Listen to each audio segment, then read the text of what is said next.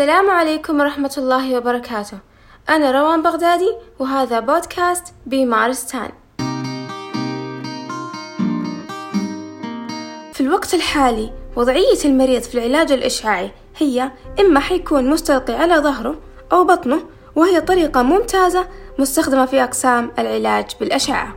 لكن مو لجميع المرضى خصوصا للمرضى اللي يعانوا من ضيق تنفس أو تجمع اللعاب نتيجة الاستلقاء لفترة طويلة. فواحدة من الطرق الحديثة لعلاج هذا النوع من المرضى هي تغيير وضعية العلاج بالأشعة من الأفقية للعمودية يعني حيكون المريض جالس خلال جلسة العلاج. وهذا هو موضوع حلقتنا لليوم العلاج الإشعاعي بالوضعية العمودية وهو مقال نشر في عام 2020 فمن امتيازات الجلوس بشكل عمودي خلال العلاج الإشعاعي إنه جرعة العلاج نفسها حتتغير بحسب تغير حجم ومكان القلب والرئة.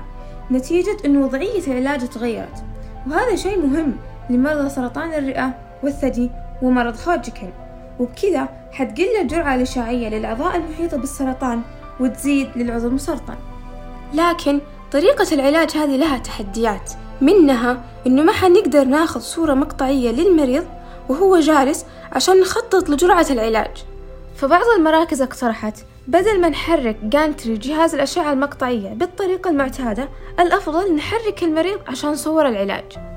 مركز Leo Cancer Care قدر يتغلب على هذا التحدي واشتغل على جهاز أشعة مقطعية جديد قادر أنه يأخذ الصور والمريض في وضعية عمودية وبكذا نقدر نستفيد من طريقة العلاج هذه. وصلنا إلى نهاية الحلقة.